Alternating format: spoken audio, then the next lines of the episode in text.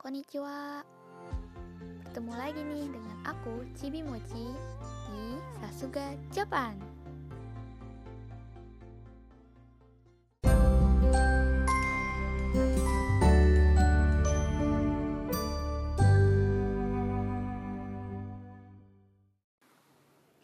Nah, di podcast sebelumnya aku udah cerita-cerita tentang latar belakang kenapa aku milih Jepang Nah, untuk episode kali ini aku pengen cerita tentang perjuangan aku ketika menjalani pelatihan dan proses belajar di satu lembaga pelatihan kerja. Itu seperti apa? Jadi gini. ini sebenarnya rada berat ini kontennya. Jadi dulu awal-awal aku mulai pelatihan kerja aku ibaratnya kayak nggak ngerti apa-apa tentang bahasa Jepang. Karena waktu SMA itu aku cuma belajar seputar ya huruf-huruf dasar perkenalan-perkenalan dasar. Dan itu pun masih pakai romaji belum pakai bahasa uh, belum pakai hiragana katakana atau kanji. Jadi ketika awal pertama kali masuk ke kita sebut aja LPK lah kita masuk LPK itu bener-bener aku bener-bener buta kayak orang yang bener-bener gak tahu apa-apa tentang Jepang. Padahal aku udah megang sertifikat N5 tapi aku masih ngeraba-raba yang namanya hiragana katakana walaupun ya nggak bener-bener lupa sih. Kayak masih masih noob banget lah. Jujur aku malu saat itu bener-bener ngedown kayak orang-orang bilang kayak nih ini orang udah punya lima tapi hiragana katakan aja masih lupa-lupa gitu. Perkenalan aja masih nggak paham. Aku benar-benar ngedown saat itu dan kayak apa ya oh iya pas awal pertama kali masuk juga aku langsung loncat ke bab yang udah mulai menengah. Dan aku nggak ngerti apa-apa jujur aku nggak belajar grammarnya. Ya aku udah lulus SMA tuh udah lama. Cuman aku masuk ke situ itu di tahun selanjutnya tahun 2018 kalau nggak salah aku masuk ke LPK itu. Aku lulus tahun 2017 ya otomatis sudah lama banget aku udah nggak pernah buka-buka buku bahasa Jepang lagi atau review-review bahasa Jepang lagi. Jadi aku benar-benar harus mengejar ketertinggalanku biar setara sama teman-teman yang lain di kelas. Awal masuk sih ya untungnya teman-teman yang lain pada welcome pada ya enjoy walaupun rata-rata di sana semua cowok.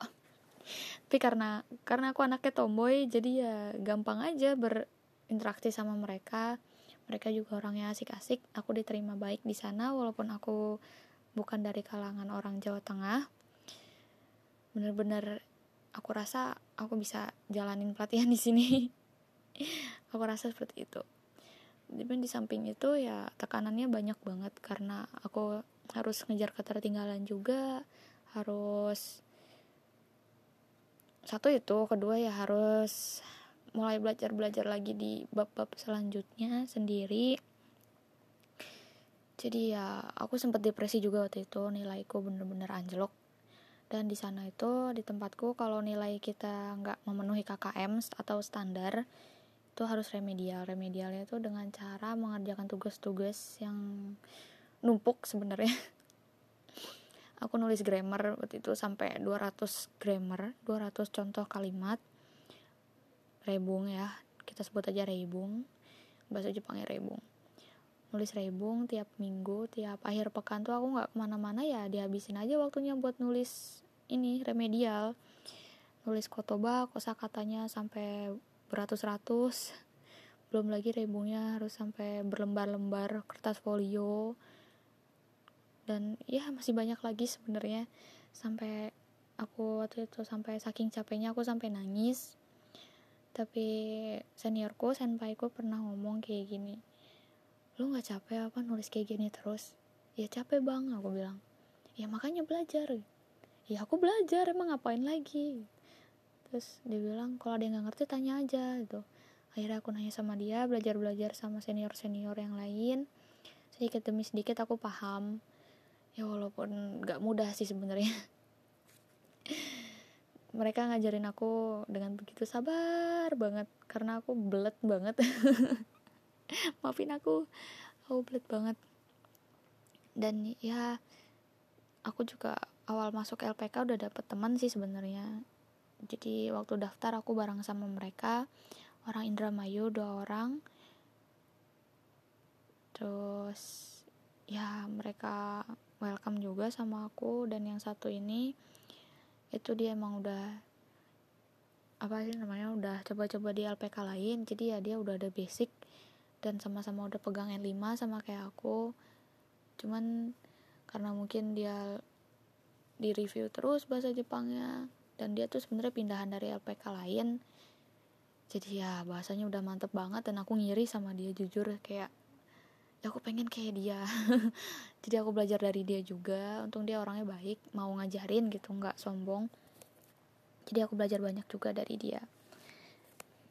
Di tahun nggak di tahun sih di awal-awal pertama masuk ke LPK semuanya berjalan dengan mulus. Oh iya aku ingat. Aku pernah dapat bukan pernah sih.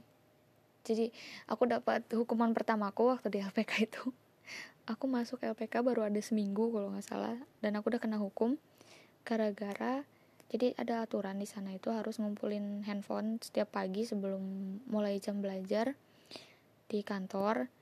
Tapi handphonenya aku tinggal di kosan karena waktu itu senior aku bilang udah nggak apa-apa tinggal aja di kosan. Ya namanya anak baru kan nggak tahu apa-apa nggak tahu peraturan apa-apa. Jadi udah aku tinggal di kosan. Dan pagi itu ada pemeriksaan handphone dan ditanya sama senseiku siapa yang gak bawa handphone? Siapa yang handphone yang gak dikumpulin di kantor? Uh, oh si siswa segini banyak kok handphonenya cuma ada satu kotak doang biasanya sampai empat kotak gitu.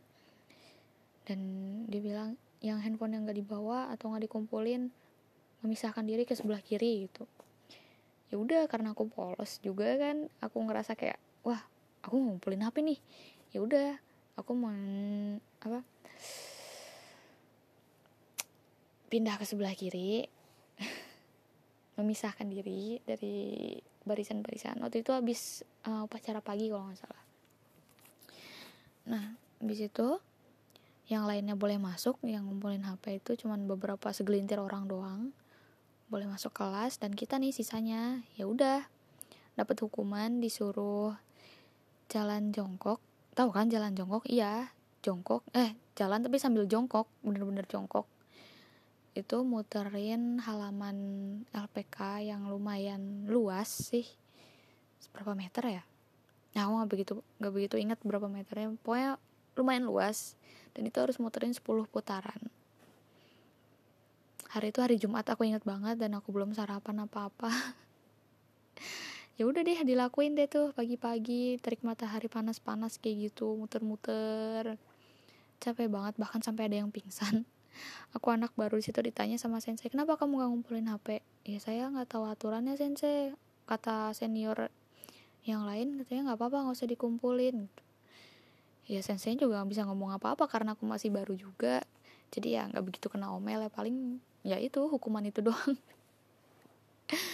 Sumpah aku kapok dari situ aku selalu ngumpulin handphone. Terus nah di hari selanjutnya di hari Sabtu itu di tempat uh, di LPK aku selalu rutin olahraga. Ya di hari Sabtu khusus olahraga dari pagi sampai siang setengah hari. Khusus olahraga. Hari Jumatnya dapat hukuman kayak gitu hari Sabtunya suruh olahraga jor-joran. Ya lari ya push up sit up squat.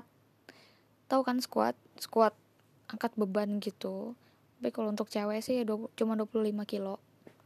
Squat terus lari dua putaran yang which is which is yang mana ya lumayan sih kalau dihitung itu mungkin sekitar satu satu kiloan kayaknya. Hmm. lari dan ya badanku bener-bener capek banget hari itu. Belum sampai situ. Hari Seninnya aku pengecekan fisik lagi. Bayangin Jumatnya udah kena hukum kayak gitu Sabtunya olahraga jor-joran Seninnya aku pengecekan fisik Squat, sit up, push up Untuk wawancara job waktu itu. Bisa dibayangin gak tuh capeknya kayak apa? Sampai nangis aku. Cuman ya udahlah Dijalanin aja. Nah lalu pindah ke gedung baru. Waktu itu masih di gedung lama masih di sekolah lama. Pindah ke sekolah baru. Oh ya waktu itu aku ngekos gak jauh dari LPK aku Nah begitu pindah ke sekolah baru ini ke gedung baru mau gak mau harus masuk asrama. Nah di asrama ini banyak banget cerita dan pengalaman aku yang pengen banget aku sharing ke kalian.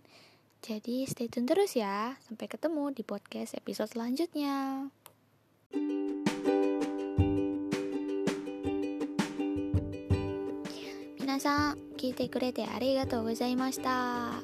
Terima kasih udah menyempatkan waktunya untuk mendengarkan podcastku ini. Nah jangan bosan-bosan ya untuk stay tune di podcastku ini. Sampai jumpa lagi. Mata nih